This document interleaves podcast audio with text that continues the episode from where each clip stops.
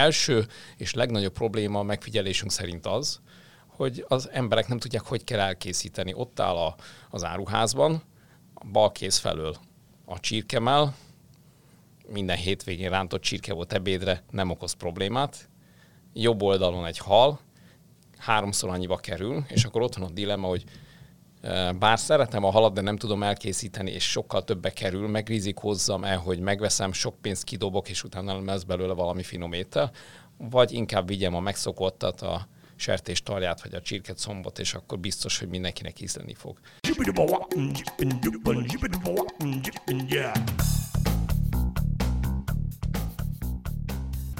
Üdvözlöm a hallgatókat, ez itt a 24.hu filéző podcastja. Én Inkei Bence vagyok, és Jankovics Mártonnal ma hívtunk egy újabb vendéget a gasztronómia világából, ő pedig Palotás Péter, a Budaörsi Halpiac alapítója és vezetője. Köszöntünk a stúdióban. Sziasztok, jó napot kívánok mindenkinek! És hát az első kérdés az nem is annyira halpiacsal, inkább a halfogyasztással kapcsolatos, hogy sokat lehet erről olvasni az elmúlt években, hogy mennyire nem fogyasztanak a magyarok, mennyire nem fogyasztanak ebben az országban halat annyira, mennyire lehetne, pedig az ember első, a tengeri halnak mondjuk meg vannak a nyilvánvaló okai, de az ember azt gondolná, hogy azért vannak folyóink, vannak nagy tavaink, vannak ennek azért kéne, hogy legyen egy, egy hagyomány, és mégis viszonylag még ez a, az édesvízi halakból se állunk olyan jól halfogyasztással, mint ahogy, ahogy az ember azt úgy elsőre gondolná. Igen, ez kétségtelen tény. Az elmúlt két évtizedben számtalan alkalommal próbáltunk utána járni, kideríteni az indokokat, hogy Magyarország miért van ennyire lemaradva a halfogyasztás terén, akár Európa, akár a környező országokhoz képest, akár az Európai Unió átlagához képest. És számomra az furcsa, hogy egyébként az 900-as évek polgári konyhájában a hal, mint olyan, az egy abszolút hétköznapi alapanyag volt, sőt azt kell mondjam, hogy a tengeri halból is rendszeres szállítmány érkezett Magyarországra, ugye akkor még az Adriáról volt közvetlen kapcsolat, és korabeli szakácskönyvekben vannak tengeri halakból készült, úgymond magyarosnak mondható ételek. Valahogy a második világháború után ez a kultúránkból eltűnt. Lehet, hogy a polgári kultúrához kötődött egy kicsit a, a halfogyasztás, és Érdekes módon csak az ország egyes területein, mint Baja vagy Szeged e, és környéke maradt meg egy rendkívül mélyen beágyazódott e, halfogyasztási kultúra. Ez mondjuk a statisztikai számokban is e, jelentkezik, tehát ezeken a környékeken abszolút kimagasló az egyfőre jutó halfogyasztás, míg az ország többi részén ilyen szárazföldi lényekként nem, nem nagyon nyúl a halhoz senki. Valahogy ki is kopott a, a, a fogyasztóknak a tudatából, hogyan kell elkészíteni. Ugye, ha kimegyünk az utcára, és találomra megállítunk tíz embert, hogy mondjon néhány halas ételt, akkor nagyon jó eséllyel e, három ételt fognak mondani, rántott ponty, halászlé, harcsa pörkölt esetleg. Esetleg, és aki nagyon művelt, az még azt mondja, hogy rácponty, és itt kimerül a, a, a az ismeretek tárháza. Talán a fiatalabb generáció, akinek már módjában volt az elmúlt két-három évtizedben esetleg utazni, ők ö, külföldön láttak lazacot, tengeri sülött, makrélát, és akkor még tudnak mondani valamit, hogy hogy kell elkészíteni, azt nem. És első és legnagyobb probléma a megfigyelésünk szerint az, hogy az emberek nem tudják, hogy kell elkészíteni. Ott áll a, az áruházban, a bal kéz felől a csirkemel, minden hétvégén rántott csirke volt ebédre, nem okoz problémát. Jobb oldalon egy hal, háromszor annyiba kerül, és akkor ott van a dilemma, hogy e, bár szeretem a halat, de nem tudom elkészíteni, és sokkal többe kerül, meg hozzam el, hogy megveszem, sok pénzt kidobok, és utána lesz belőle valami finom étel, vagy inkább vigyem a megszokottat, a, sertés tarját, vagy a csirket szombot, és akkor biztos, hogy mindenkinek ízleni fog. Tehát ez egy nagyon jelentős korlátja Magyarországon a halfogyasztásnak. És ezt hogy lehet áttörni az ilyesmit? Tehát, hogy ez jó főzőműsorok kellenek magyar nyelven, vagy nem tudom, mi, mi, mi erre a lehetséges opció? Mert oké, okay, az egy dolog, hogy rendelkezésre kell álljon, hogy meg, le, meg lehessen venni, de akkor ezek szerint még mindig vannak ilyen mentális, meg tudásbeli Hát ez gátak. mindenképpen hosszú eh, évtizedeknek a munkája lesz. Tehát azt megfigyelhetjük, hogy az elmúlt két évtizedben azért nagyon sokat fejlődött a hazai piac, és részben mennyiségben is nőtt a halfogyasztás, de minőségben is eltolódott a halkonzervek, meg panírozott nyomokban halat tartalmazó halrudacskákból. Az... Pangázius. Igen. Én annyira nem bántam a pangázius, de egyébként valóban az legalább összefüggő fehérje rostokat tartalmaz. Tehát, tehát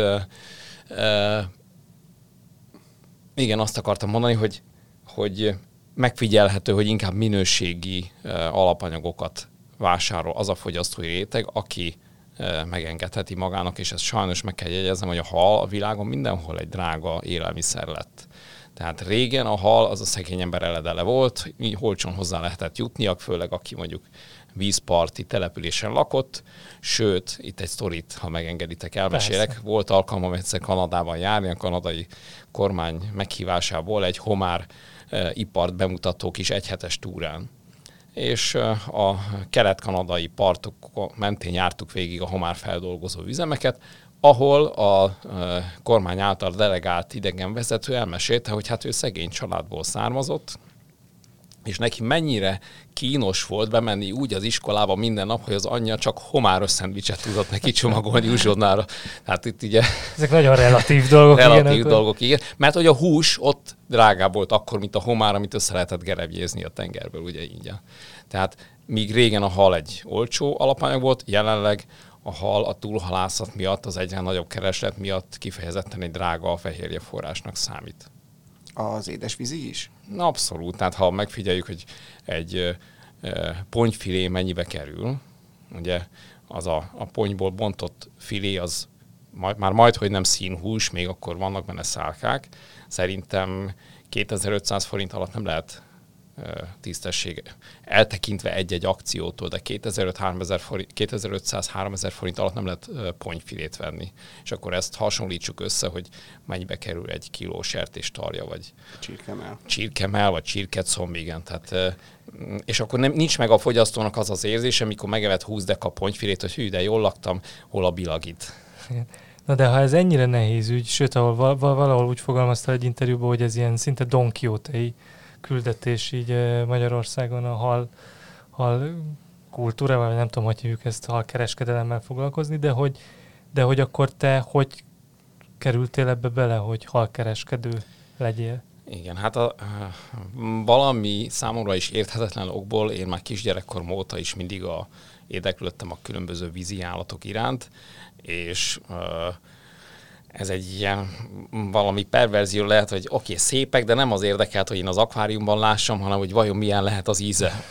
és uh, uh, valamikor úgy uh, 6-7 éves koromban volt szerencsém a szüleimmel egyszer Franciaországban uh, nyaralni, ahol én rácsodálkoztam arra, hogy ott a, a hentesnek a kirakatában nem csak karaj van, meg félsertés, hanem csiga, halmokban állnak a csigák, meg mindenféle színes halak, meg kagylók, meg osztriga, és én onnantól kezdve e, úgy jöttem onnan haza, édesanyám legnagyobb bánatára, hogy én szakács akarok lenni, és mindig a halételek körül mozgott a fantáziám, és akkor ennek kapcsán én szakácsként is végeztem. Akkor nem lehetett könnyű gyerekkorod. Tehát, eh. hogy az a 70-es, 80-as években lettél gyerek, gondolom, vagy akkor, így, igen, akkor igen. így ilyen sok helyen sok választásod nem volt. Hát Mármint tovább itthon, tanulás szempont. Nem, nem, ja, mondjuk, hogy... hogy mondjuk itthon is a kedvet hát szokjat volna kagylót enni, vagy... Á, nem, az, arra nem nagyon volt lehetőség. Tehát akkor mondjuk a nagycsarnokban volt két-három halas, ahol ahol lehetett kapni pontyot, meg harcsát, esetleg ha az embernek volt egy kis csókja, akkor a pult, ahol a pisztráng előkerült. Viszont abban szerencsém volt, hogy utána szakás tanulóként én az Interkontinent, akkori csúcsszállodába, az Interkontinentába kerültem, Gulner Gyula keze alá, és ott én az osztálytársaimhoz képest sokkal többet láttam. Én nem tudom, hogy ez akkoriban hogy ment. Szerintem egy-két ilyen import-export cég volt az országban, akinek volt joga eh, deviza külföldi, vagy hát nyugat-európai országokból importálni, és akkor volt lazac, meg volt lepényhafilé, meg valamilyen rák, én erre rácsodálkoztam, és legalább láttam ilyet. De e, mikor kikerültem a szakmába már, mint végzett szakács, pont ez a rendszerváltás idején volt, akkor úgy meg-megnyílogattak a határok, és akkor jött a vadkapitalizmus és vadnyugati vendéglátási időszak, amikor ha valaki mondjuk osztrigát akart adni az étteremben, akkor beült a 21.05-ös ladába, kiment Bécsbe, ott megvette az osztrigát, betette a csomagtartóba, jól lett akart egy pokrot, hogy ne lássák a határon, és akkor volt osztriga aznap este az étteremben. Tehát ez akkoriban így ment. És a 90-es évek közepén talán kimondhatom, mert hát megszűnt ez az étterem, az akkor időm az egyik első tengeri halas étteremnek lettem a konyhafőnöke, ez volt a Ristorante Scampi a Dohány utcában, akkor már lehetett fagyasztott halászati termékeket kapni, de hát volt talán egy vagy két cég, aki ilyesmit az országba szállított. Én pedig minden áron szerettem volna ezeket az állatokat egy minőségugrásnak tekinthető friss állapotban megkapni és azt megfőzni. És valamikor a 90-es évek végén összetalálkoztam egy norvég úriemberrel, aki halat akart Magyarországra importálni, nekem pedig kapóra jött, hogy én a konyháról váltanék kicsit más irányba. Neki kellett a, egy olyan ember, aki beszél nyelveket, ismeri a vendéglátósokat és ért a halhoz. Ez voltam én, és így váltottam halkereskedelemre. Friss hal, mint olyan, tehát ennek a korabb beszerzése az az, az nem úgy néz ki, hogy te mész ki mondjuk Norvégiába, vagy nem tudom én mi, és akkor így felvenni a nem, hát kapcsolatot egyenként. Kezdetek kezdetén ez úgy nézett ki, hogy ha meghallotta egy, egy norvég, vagy dán, vagy francia cég, hogy valaki Magyarországról keres őket, és halat szeretne vásárolni, akkor nevettek egyet, letették a telefont, és hogyha elég kitartan hívogattam, akkor hajlandóak voltak esetleg szóba állni de hát akkoriban mondjuk az első 97-ben az első friss halas szállítmány az 200 kg lazac volt Norvégiából, aminek az egynegyede a végére még meg is maradt, senki nem akarta megvenni. Ehhez képest jelenleg azért ilyen heti 4-5 ezer kilogramm hal érkezik be Budaörsre a világ minden pontjáról. És ez el is fogy. És ez el is fogy természetesen. A világ, hát majd termé- az elmúlt két hónap azért nem volt vidám, de, de normál időkben azért ez el is fogy. Tényleg a világ minden pontjáról, tehát a legtávolabbi pont az Új-Zéland, ahonnan érkezik hozzánk hal, a legközelebbi pedig talán akasztó, ahonnan a pontyot hozzuk, tehát Kanadától Dél-Amerikáig, Sri Lankától Norvégiáig mindenhonnan érkezik hal, van ahonnan egy héten egyszer, van ahonnan egy héten háromszor. A beszerzés jelenleg úgy történik, hogy mi a már kialakult kapcsolatoktól rendszeresen megkapjuk az éppen aktuális árakat, hiszen a friss halat halárverésen lehet megvásárolni. Ugye a kikötőkbe befutnak a halászhajók, az éppen éjszaka fogott zsákmánnyal, ebből kialakul már hajnalra egy körülbelüli várható piaci ár. Nekünk ezeken a halárveréseken, ahonnan vásárolunk, vannak megbízott partnereink, akiknek mi megbízást adunk a az éjszaka beérkező ár előrejelzés alapján, hogy mondjuk kellene 200 kg makréla, mert várhatóan mondjuk most mondok egy számot, 3 euró lesz ennek kilója. És akkor mondunk egy felső határt, hogy addig érdekel, amíg ha elfölé nem megy az ár, akkor ez nekem jó és akkor visszaszól, hogy sikerült megvenni 2,80 ér, vagy 3 euró 10 kell akkor én hozhatok egy döntést, hogy hát jó, elmegyünk 3-10-ig, vagy fölhívok egy másikat, mondjuk nem a Dániában, hanem Spanyolország, és megnézzük, hogy ott mennyiért van. Tehát ez kb. így, így zajlik. Nem annyira ide kapcsolódik, de hogy de végülis igen, hogy te hogyan, az biztos te is találkoztál olyan emberekkel, akik azt mondták, hogy ők tengeri, tengeri halat a tengerparton esznek, vagy olyan országban, ahol ez van, hogy őket mivel szoktad megnyugtatni, vagy nekik mit mondasz? Én ezt azért tartom uh, nem teljesen logikus következtetésnek, mert a, most nem akarok hazudni, hogy a Európa legnagyobb halpiaca ami a lakosság felé nyitva van, vagy a világ legnagyobb halpiaca, de Madridban van. Most ha megnézzük, hogy Madrid hány száz kilométerre van a tengertől, tehát mm. körbe 500 kilométer szárazföld van minden irányba, és ott mégis friss a hal. Tehát manapság Új-Zélandról két nap alatt ide ér a friss hal, és az tény, hogy a köztudatban az él, hogy hú, a, a hal az a legromlandóbb élelmiszer, és azon nagyon vigyázni kell, ami igaz is nem megfelelő körülmények között tárolva. De egy megfelelő módon halászott, a halászat után megfelelő módon kezelt, hűtött és hűtve szállított hal akár két hétig is olyan friss marad, hogy az arról a hétköznapi fogyasztó meg sem mondja, hogy azt nem tegnap vették ki a vízből. De igazából az is érdekes, amit mondtál az elején, hogy, hogy itt a, hogy már a száz évvel ezelőtt is lehetett Magyarországon tengeri halakat vásárolni, akkor ezt hogy oldották meg? Én olyan? úgy tudom, hogy akkor uh, jégtömbök és szalma közé csomagolva jött föl a, uh, a szállítmány. Most nem akarok butaságot mondani, hogy volt vasútvonal, és akkor vasútvonalon tudott Vol- Triestből uh-huh. Budapestig eljönni az áru, de van egyébként egy kedvenc filmem, az egyik kedvenc filmem, Vatel című film volt, Gerard Depardieu egy főétekfogót játszik, a, a talán 14. Lajos korabeli e, főnemesi francia udvarban, és akkor több napos rendezvény van, és az utolsó, ugye nagyon fontos lenne, hogy ez az adott főnemes megnyerje a királynak a bizalmát valamihez, és a rendezvény sorozat fénypontja lenne az utolsó vacsora, amikor mindenféle halasfogásokat terveznek és hosszú viszontagság ut- után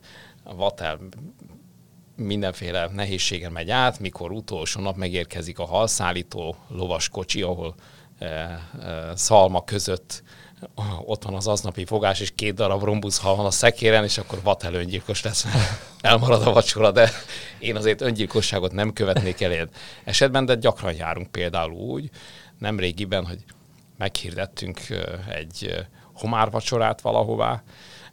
Én Brötányban kedden hajnalban az árverésen megvásároltattam a megfelelő mennyiségű homárt, ami bonyolult logisztikai úton jut el Magyarországra. És csütörtökön reggel, mikor a teherautó megérkezett, és kinyitottuk az ajtót, akkor a teherautó, ha nem is volt üres, de az a raklap, amin az a 150 kg homár volt, az hiányzott, mert félúton valahol Olaszországban egy másik teherautóra rakták. Hát eh, hasonlót éltem át, mint Vatel, de ennyire azért nem vagyok elszánt. És ilyenkor mit lehet csinálni? Mi lesz Semmit. a homár vacsorával? Lemondani, hát, gondolom semmit. a homár vacsorát. Nem lehet azt mondani, hogy sajnos az elmarad, de van helyette nagyszerű osztrigánk. És, hát az és egy... elmondhatod, hogy a homár az úgyis a szegény kanadaiak Igen, igen, nem is érdemes ezt fogunk adni. Hát a helyzet az, hogy persze ki lehet találni mindenféle, hogy mást adunk helyette, de mivel Ráckevei Dunaágban nem lehet leszaladni, hogy homárt fogjak így, akkor, ez, akkor az van, hogy nincs homár. Igen. És ez az általad említett heti 4-5 ezer kiló, vagy mennyi? Igen, mondtál? körülbelül. Hal, ez, ez hova oszlik el? Tehát ez megy a szupermarketekbe is ebből, vagy ez, me, ez éttermekbe megy, meg nyilván megy a piacra is, de hát gondolom ott az töredéke. Azt kell, kell mondjam, hogy a piac egyébként egész komoly mennyiséget viszel ezekből a mennyiségekből, vagy hát értékesi folyik át rajta.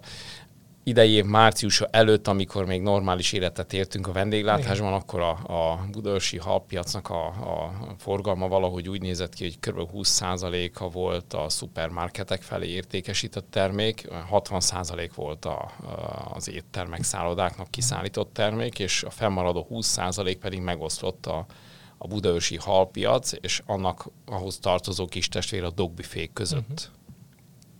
Legalábbis a forintális szempontból közelítve. Most ez nem feltétlenül fedi a mennyiségi kilogramm mérősz arányokat.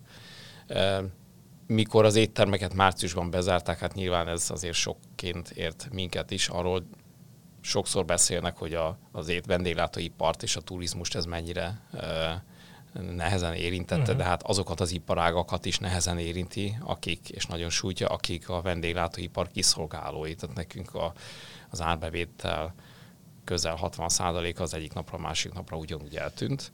De érdekes módon a, a a halpiacban a kereslet a, a, a privát fogyasztók részéről viszont rendkívül megugrott. Ugye az első reakció az volt, hogy mindenki szaladt a, az áruházakba és felvásárolta a, a száraz tésztát, uh-huh. majd egy hét száraz tészta evés után mindenki rájött, hogy oké, okay, ez nagyon finom, de ez uncsi lesz valami kéne hozzá, és akkor jöttek halért is. De uh, nyilván ez vicc, de, de ettől függetlenül nagyon éreztük azt, hogy megsokszorozódott a, a kiskeres, saját kiskereskedelmi forgalmunk. E, e, e, ennek egyébként még akár visszacsatolva egy picit ehhez a edukatív részhez, hogy így a hozzászokni a hal készítéshez, mint olyanhoz. Tehát még akár ilyen, ilyen típusú hatása is lehet, hogyha az emberek otthon próbálkoznak vele, akkor... Igen, hát egyébként nagyon sokat, nagyon hasznos hatása van a, a tévécsatornákon futó főzős műsoroknak. Nem csak a, a kifejezetten fő, gasztrotematikájú csatornákon látható halas témájú műsoroknak, hanem, hanem ezeknek a, a kereskedelmi live, is. Igen, hogy hívják ezt? Realitéknek, igen. Ja, Főzős realitéknek, így van. Igen, amikor... Mert egyébként többek között mindegyik realityben mi szállítjuk a halat, ha ott halat főznek, akkor rendszeresen jön hozzánk rendelés, most is előre nem tudom hány hétre vannak rendeléseim, hogy melyik napra milyen halat és kell akkor Gangsta Zoli főzi meg igen, azt a... Igen, és olyan dolgokkal, alapanyagokkal találkoznak az emberek, amit egyébként álmukban el se tudtak képzelni, hogy egyáltalán meg lehet enni. Uh-huh. Uh, nem, hogy kapni itthon. Így van. És nem is biztos, hogy ő ilyet fog enni, de legalább uh, legalább bátrabban nyúl hozzá a, a halpulton található választékhoz legközelebb. És mivel tudod bátorítani ezt az embert, aki, aki akkor azt mondja, hogy jó, akkor bemegyek, és akkor, akkor, akkor nézzük meg, akkor veszek valamit, és akkor mégis, mégis csak, mégis csak lehet, hogy el, elbátortam, vagy amikor ezt meglátja. No, hát hogy... hát ez az egész a cégünknél az egész koncepció úgy alakult ki, amit ott jelenleg találni lehet, hogy igazából eredetileg ez egy nagy kereskedés volt, és rendszeresen kopogtattak be az ajtón magánemberek, hogy hát tudják, hogy mi szállítunk ebbe vagy abba az áruházláncba, de hát mégis sokkal, úgy gondolják, hogy nálunk sokkal frissebb, és hogy hadd vegyenek itt halat. Tehát ugye egy élelmiszer üzem életében ez nem igazán működik, hogy bejön valaki 20 deka halért, és ebből jött egy ötlet, hogy hát akkor kéne nyitni itt egy saját kis üzletet, ahol egyrészt a, az áruházaknak meg tudjuk mutatni, hogyan is kell halat értékesíteni, másrészt akkor ki tudjuk szolgálni ezeket az igényeket. És én szombatonként bejártam, délelőttönként valamit főztem, hogy kóstolót tudjak adni az embereknek, hogy ne csak a lazacot akarják megvenni, hanem megmutassam azt, hogy nyugodtan nyúljon hozzá egy tőkehalhoz, lapos lepényhalhoz, kagylóhoz. Ott osztogattam egy ingyen, ingyen kóstolókat, és elmondtam, hogy hát ez ilyen fáradtságos meló. Elmondtam, hogy ezt nagyon egyszerű megfőzni, milyen finom lesz, stb. stb. Második, harmadik alkalommal volt olyan vevő, aki már itt úgy jött oda, hogy ő hajlandó lenne fizetni érte, de ez annyira finom, hogy nem lehetne, hogy mi, itt mi megfőzzük, és ő akkor elvinné ebédre. És ebből jött az ötlet, hogy én kikötőkben is láttam ilyet, hogy itt a halászoknál rögtön a kikötőben vannak ilyen kis halas büfék, akkor létesítsünk oda a halbolt mellé egy ilyen kis halsütődét is. És aki bejön halat venni, ott sülnek a különböző jobbnál jobb halak, rákok, tintahalak. Ő egyrészt látja, hogy ezt egyszerű elkészíteni, ott szállnak az illatok, megkóstolja, megkérdezi a szakács kollégákat, hogy ezt hogyan lehet elkészíteni. Tehát kap információt arra, hogy, hogy ez nem olyan bonyolult. Aki pedig enni jön hozzánk, ő pedig megkóstolta, hogy hüde finom, esetleg kedvet kap hozzá, hogy akkor visz haza is. Hát ez ilyen, ilyen talpalós meló, hogy minden egyes fogyasztóhoz gyakorlatilag közvetlenül kell szólni, és akkor lehet elérni egy kis haladást. De akkor így az igényt követtétek, a fogyasztói igényt folyamatosan, hogy akkor a nagykerből lett a Igen. kisker, és akkor abból meg a büfé. És de hogy említetted, hogy ez részben azt a célt is szolgálta, hogy egy ilyen bemutató teremként szolgáljon az áru, a nagy áruházak számára. Ennek lett hatása, tehát hogy így meg tanulták azt, hogy hogyan kell ezt profin csinálni? Én nekem az volt a szomorú tapasztalatom, hogy mi hiába szállítottuk ki a legszebb, legfrissebb árut a különböző áruházláncokba, az ottani emberanyag, munkatársak, akik a hallal foglalkoztak, ez egyrészt mindig egy olyan pozíció egy áruházban, amit senki nem akar elvállalni, mert nyálkás, büdös, csúszik, senki nem, nem ért hozzá, senki sem szereti. Tehát jellemzően majd, hogy nem azt kell mondani, hogy büntetésből rakták oda a villanykörte osztály árufeltöltőjét, ha túl sok villanykörtét tört össze, hogy legyen ott valaki a halpulton. Tehát eh, valahogy a Hiába tartottunk rendszeresen továbbképzéseket, tettük lehetővé, hogy akkor lehet hozzánk jönni, és akkor mi a kollégáknak segítjük ezt megtanulni, megtanítani. Ugye az a, ki, ott ezekben az áruházakban van fluktuáció, ez természetes. Az a kiképzett ember, aki mondjuk két-három hónapig ott volt a haloszajn, előbb-utóbb elkerült onnan, és megint kezdődött minden mm. előről. Tehát le is épült, én azt gondolom, a szupermarketekben a friss hal értékesítésnek, ez, vagy hipermarketekben a friss hal értékesítésnek ez a, a formája. Egy olyan áruházláncot tudok, ahol egyébként teljesen igényesen, jó minőségben árulnak halat. Én, mi sokkal inkább próbáltunk abba az irányba állni. Melyik ezt ki lehet mondani? Ki lehet mondani? Ez a metro áruházakban uh-huh. egyébként tisztességes a hal uh-huh. minősége. Tehát uh-huh. Mondta, nem vagyunk konkurencia egymásnak, mert más típusú vendéglátóhelyeket szolgálnak ki, mint mi. Uh-huh. De ott egyébként tényleg ügyelnek a minőségre, tehát nem rossz a választék sem. De a többi áruház láncban, hát ugye volt olyan áruházlánc, teljesen meg is szüntette a hal, halaspultokat, mert 20 méteres körbe kerülte mindenki a környékét, mert mindig erősen állott halszak volt. Tehát én inkább abban hiszek, hogy a fogyasztóknak maceramentes konyhakész minőségi halterméket kell kínálni, és mi inkább ebbe az irányba mozdultunk el, és van olyan termék, amit mi ott a halfeldolgozó üzemben gyártunk hiper és szupermarketek mm. részére. És uh, egy ilyen korábbi interjúban, pár évvel ezelőtti interjúban azt mondtad, hogy lazac teszi ki a, a tengeri halforgalom nagy részét itthon. Ez még most is így van? Ez még most is így van. Hát a lazac az a halak csirk, broiler csirkéje alapvetően. Én azt gondolom, hogy az import friss halnak még most is szerintem a 70 százalék. Pedig hát azt most már lehet, lehet fagyasztva is kapni több helyen. Igen, tehát... Lazacfilét. Igen, de a, egy, a, ö, van néhány olyan halfaj, amelynek a húsa ö, nem sínli meg a, a, a fagyasztást, hiszen a fagyasztáskor olyan, ugye jégkristályok képző, na mindegy, tehát roncsolódik valamelyest a hús szerkezetebe, most nem menjünk bele a tudományos részébe. Tehát vannak olyan halak, amelyek jól bírják a fagyasztást, és az utána való felengedett termék nem szenved nagyon a, az érzékszervi tulajdonságú tekintetében, de a legtöbb halfaj azért erősen veszít az élvezeti értékéből. És az, az a Norvég Agrármarketing Központnak nagyon jó a, az eredményessége. Azt kell mondjam, hogy a legutolsó kis Piripocsi faluba lévő kis étteremben is valószínűleg lehet lazacot kapni, nem biztos, hogy lehet pontyot viszont. És az egész világon a norvég lazac az egy ismert termék. Hát ebben a norvégoknak azért komoly munkája van, és gondolom nem kevés olajbevételt fordítottak bele abba, hogy, hogy a lazacnak jó legyen a marketingje. De azt örömmel tapasztaltuk az elmúlt négy-öt évben, hogy más halak iránt is egyre fokozottabb a kereslet.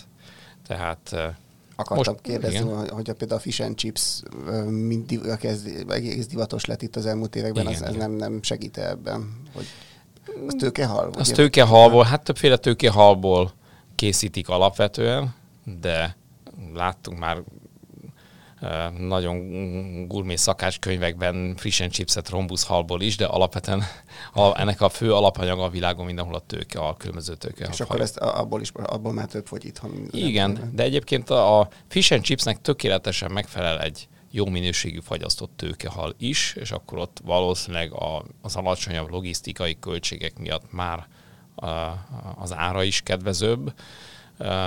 Egy drága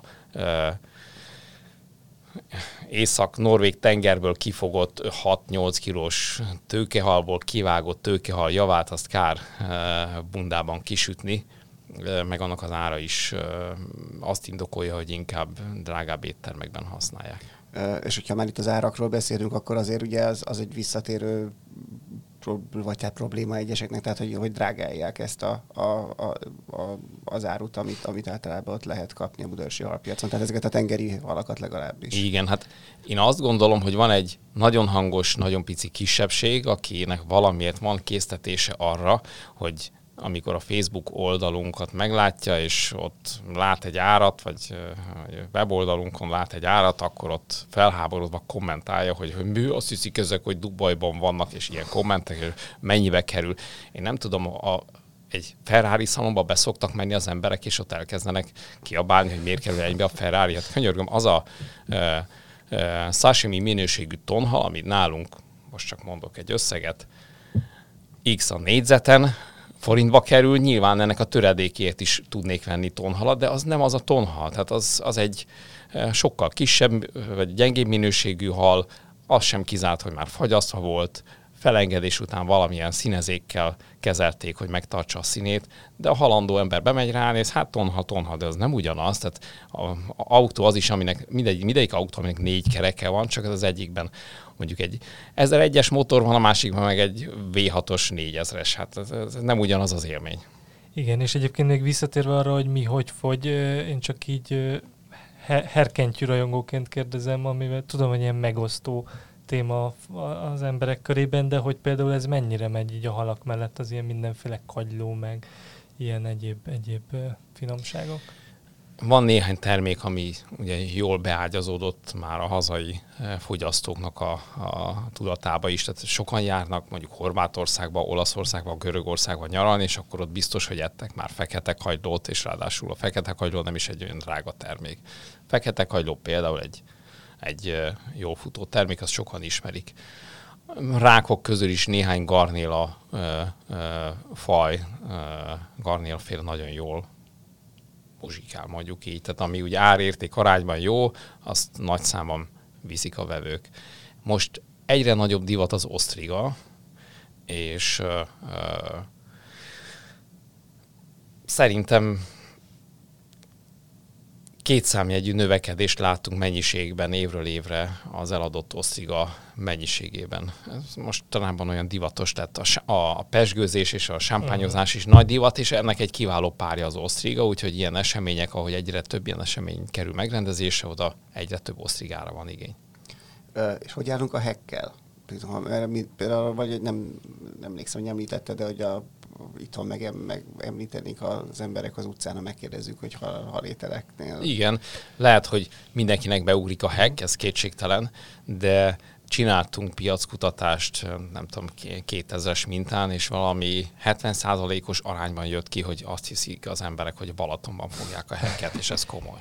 Mert hát, hogy ott árulják. Hát igen, igen, mert balatoni hekként kerül van kiírva. Ennek van ereje egy ilyen, egy ilyen szópárnak. igen. Úgyhogy Egyébként a hack, az én is szeretem, ha jól van elkészítve, nincs valami e, tíznapos szétéget fáradt olajban fél óráig áztatva sütés közben és szétszállítva, akkor ez egy finom dolog lehet. Természetesen az, amit mi hackként az ilyen hacksütőkben e, megkapunk, ez egy, e, egy bizonyos tőkehalfaj, és a hackként, amit angolban hacknek hívnak, a magyarul talán szürke tőkehalnak lehetne e, fordítani, az egy rendkívül értékes, e, e, drága tőkehal faj a spanyoloknál, portugáloknál ez egy a mediterrán konyhában nagyon jellemző alapanyag, de ez a két dolog nem teljesen ugyanaz. Nyilván tőkehal, tőkehal, de rendszertanilag összetart rokonok, de azért ez két másik fajról beszélünk. És ugye beszéltünk itt, hogy Magyarországon most akkor hogy növekedik, vagy nem növekedik a halfogyasztás, meg ilyesmi, ami nyilván önmagában érdekes, de hogy ennek szó esik azért időnként az ilyen globális vetületéről is, hogy ugye van ez a túlhalászat, és hogy ez egyáltalán mennyire fenntartható ez a dolog, vagy az a céle, hogy növekedjen a fogyasztás, hát ugye az emberiség, meg piacok is növekednek, meg ilyesmi, vagy pedig, hogy egy szűken tartott, de minőségi, és ez esetben drága, és ez esetben nem az mindenki számára szóló történet legyen inkább a hal. Az kétségtelen tény, hogy a 70-es évek vége óta a ö, természetes vizekből való halászat az a, a teljesítménynek a maximumát elérte, tehát egyszerűen nem lehet több halat kivenni a vizekből, mert akkor végképp elfogy. Rengeteg faj van, ami így is ö, ö, veszélyeztetetten ö, alacsony számot ért el és bízunk abban, hogy különböző szabályozásokkal ezt azért meg, sikerül megtartani. Az elmúlt évtizedekben ellenben a legnagyobb, tehát az agráriumban a legnagyobb fejlődést mutató ágazat az az akvakultúra volt.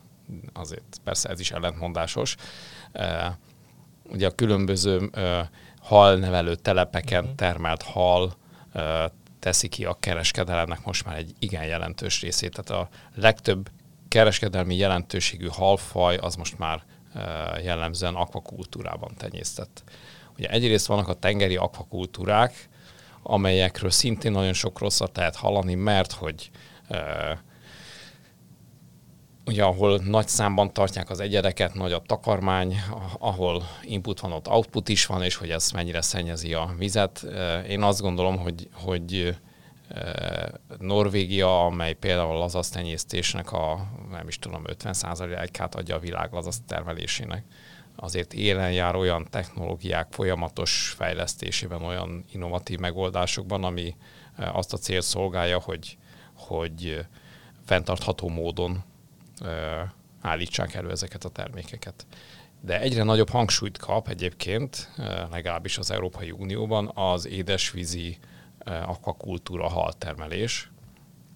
Én úgy tudom, hogy a, az uniós direktíva az, hogy ezt az ágazatot kell leginkább támogatni, és olyan fenntartható, biztonságos, zárt rendszerű halnevelő telepeket preferálni a fejlesztések során, ami, ami lehetőleg nem környezetkárosító. Én azt gondolom, hogy mondjuk egy szarvasmarha termeléshez, húsmarha termeléshez képest az akvakultúra termelés még mindig sokkal kisebb lábnyomot hagy a földünkön, mint amit mondjuk egy kiló marhabélszín előállításához elszenved a környezetünk. Már ebbe, erről nekem nincsenek adataim, de hogy azért így a fogy, fogyasztás tekintetében is, mint az össz fogyasztás tekintetében is más a hát lépték. A, a helyzet az, hogy, hogy Nyugat-Európában már az elmúlt két évtizedben elkezdődött ez a folyamat, hogy a fogyasztók persze megengedhetik maguknak, hogy 20%-kal többet fizessenek egy termékét, hogyha az fenntartható minősítésű, de ott kifejezetten szinte azt kell mondani, hogy már csak ilyen terméket lehet eladni az áruházak polcain, vagy az éttermekben. Azért Magyarországon sajnos még nem tartunk ott, bár én egyre többet tapasztalom, hogy a minket megkereső vásárlók rákérdeznek arra, hogy és akkor ez organikus, vagy fenntartható, vagy hát ha az a tonha az milyen halászatból van. Úgyhogy mi egy biztos, hogy, hogy vannak minimum kritériumok, amelyeket a beszállítók kiválasztásánál szempontként figyelembe veszünk, főleg azoknál a fajoknál, amelyek mondjuk különösen veszélyeztetett fajok. Ilyen például az Atlanti kékúszójú tonha. Nagyon ritkán hozunk ilyet, de ha ajánlatot rendszeresen kapunk különböző szállítóktól kékúszójú tonharra, de mi csak egyetlen cégtől vagyunk hajlandóak vásárolni, ahol meggyőződtünk arról, hogy minden teljesen legális, a különböző fótákat betartva, ö, fenntartható módon, ö, hát nem, nincs igazán magyar szó erre a Tuna Ranch, ez egy farm, tonhal farm, de ezek uh-huh. nem ott szaporítják, kicsit bonyolult, ez, ezek vadon befogott halak, de különös szempont az, hogy már a szaporodási időszak után fogják csak össze a tonhalakat, hogy legyen lehetőségük a reprodukcióra, és utána ott etetik, és bla bla bla. Tehát ez egy természetesen ennek az is a következménye, hogy amikor ennek az árát kiírom, akkor néhányan embernek elkerekedik a szeme, hogy úristen, ez a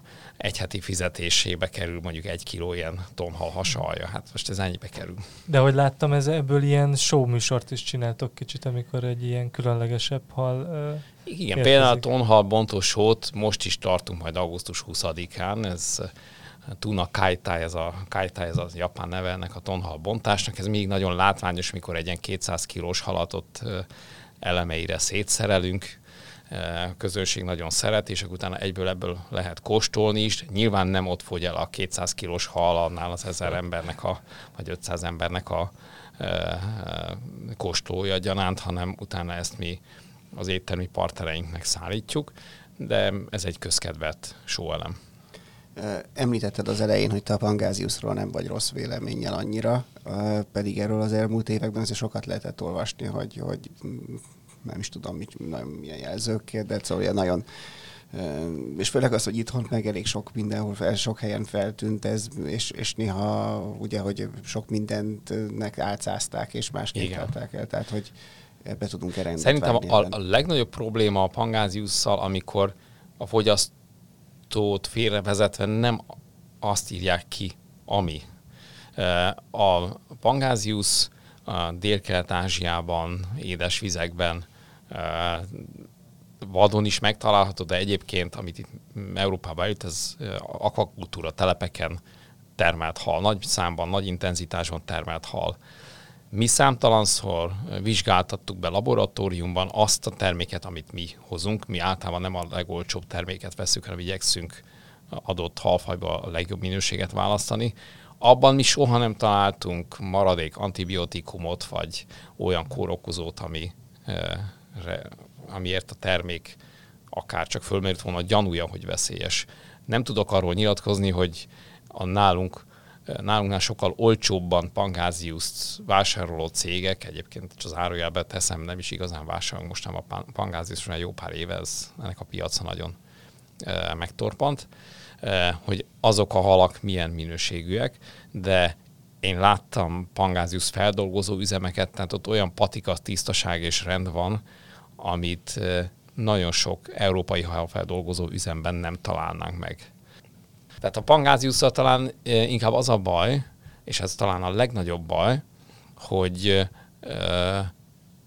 friss halként árulták a halpultokon, és így a fogyasztó ennek az árát összehasonlította az Európában vagy Magyarországon előállított valóban friss halnak az árával. De hát nem lehet összehasonlítani a, az előállítási költségét, beszerzési költségét egy tervgazdáskodásban valami kommunista országban előállított tömegesen előállított terméknek, ahol nem az a cél, hogy profit legyen, hanem elhatároztuk, hogy ebben az öt éves terben 40 millió tonna pangázius termelünk bármi áron, és azt eljuttatjuk a, a fehér kutyáknak. Tehát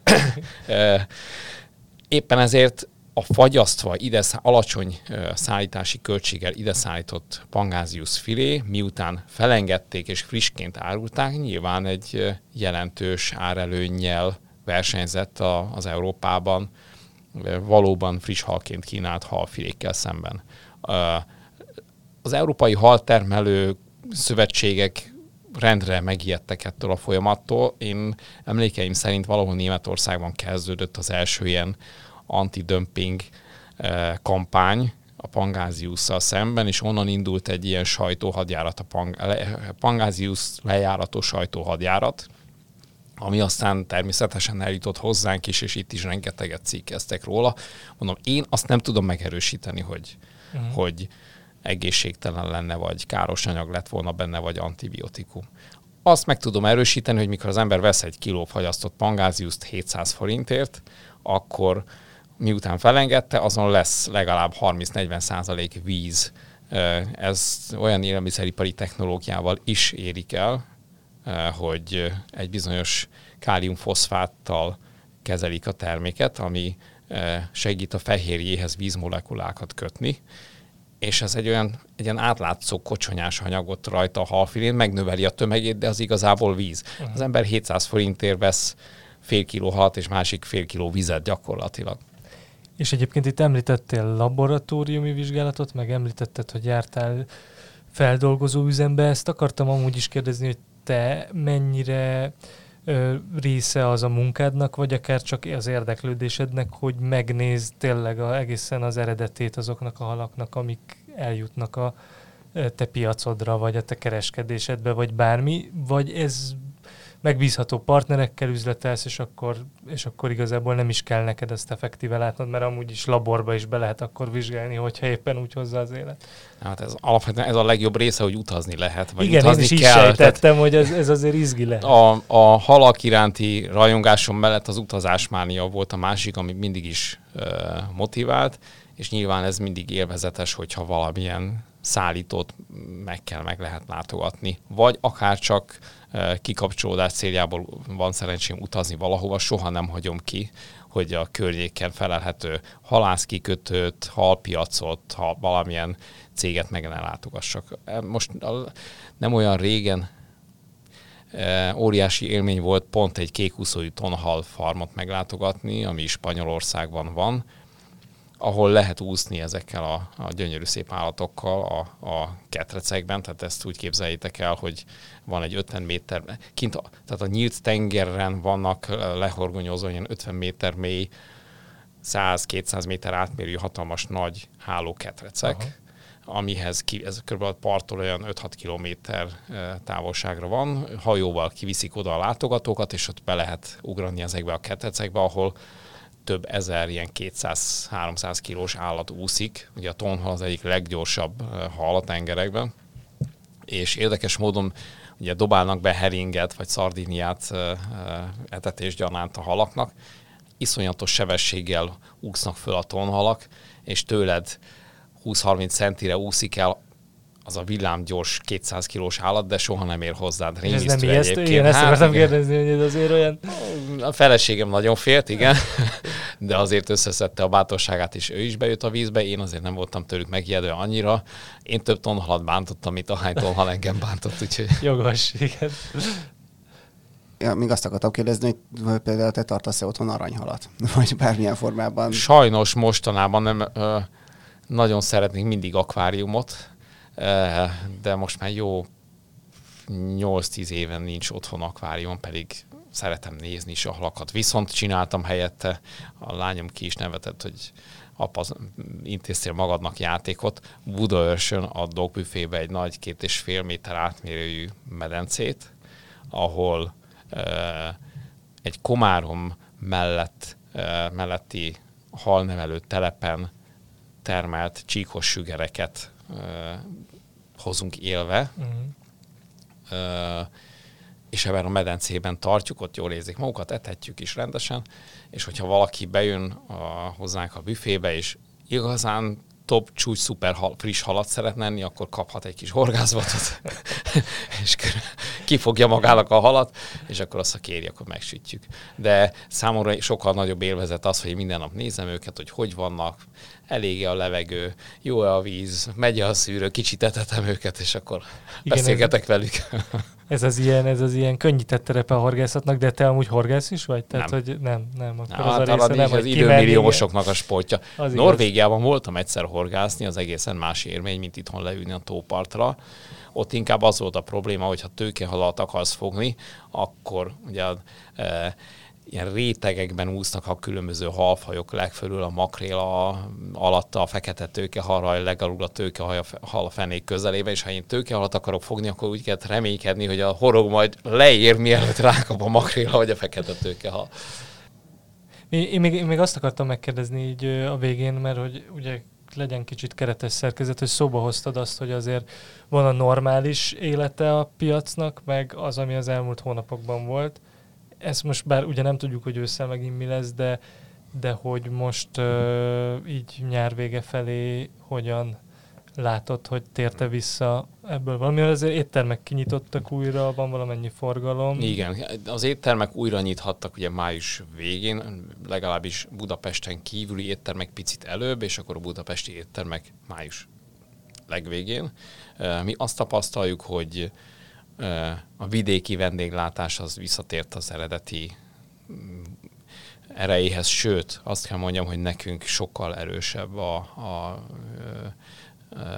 vidéki vásárló közönségünknek a, a vásárló ereje jelenleg, tehát a Balaton környéki helyek írtózatos mennyiséget visznek, de vannak vevőink az őrségtől kezdve Szeged felé, tehát az ország minden területén, ott teljesen visszatért a, a, az igény a normális szintre, vagy még a fölé. Hát Budapest nagyon vergődik, szóval azt látjuk, talán két kezemen tudom megszámolni, hogy melyek azok az éttermek, melyek azok a vevőink, akik talán csak, hát azt nem mondom, hogy elérik, de mondjuk 70% körül teljesítenek, ami óriási szám szerintem, az azt jelenti, hogy annak az étteremnek a hazai közönségből van közel 70%-nyi látogatója, ami óriási, és hát akkor a túlnyomó rész az vagy ki sem nyitott, tehát nagyon sok ilyen Michelin csillagos üzlet nem tudott újra nyitni. Vagy egészen más menüvel jöttek ki, tehát próbáltak igazodni egy kicsit az itthoni fogyasztóknak a szűkösebb pénztárcájához.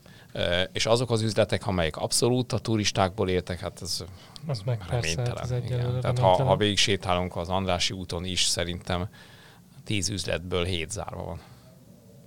Igen, hát reméljük, hogy ez majd előbb-utóbb változni fog megint, de igen, akárkivel beszélgetünk az utóbbi időben, mindenhonnan ez a visszajelzés, hogy a Balaton annak az most nagyon jól pörög, ez a belföldi turizmus felpörgése nyilván ez segített neki, de hogy Budapest nagyon nehéz helyzetben van ilyen szempontból. Igen, hát viszonylag szűk az a fogyasztói réteg Budapesten, aki, aki megengedheti magának, hogy rendszeresen úgymond felső kategóriásabb, vagy köz, felső közép, felső kategóriás éttereme járjon, és ez a szűk közönség nem tud korlátlan számú éttermet eltartani. Tehát minden egyes vendégért most meg kell küzdeni, de azt gondolom, hogy csak azok az üzletek vannak előnyben, akik korábban is koncentráltak a hazai vendégekre is, nem pedig csak a turistákra. Hát köszönjük szépen, hogy elfogadtad a meghívásunkat, és reméljük, hogy hogy változni fog ez a helyzet pozitív irányba előbb vagy utóbb. Én köszönöm, hogy itt lehettem. Nektek pedig köszönjük, hogy meghallgattátok a Filiző podcastot, és továbbra is tegyétek ezt, elértek minket minden lehetséges csatornán, úgyhogy kövessetek és hallgassatok minket. Sziasztok!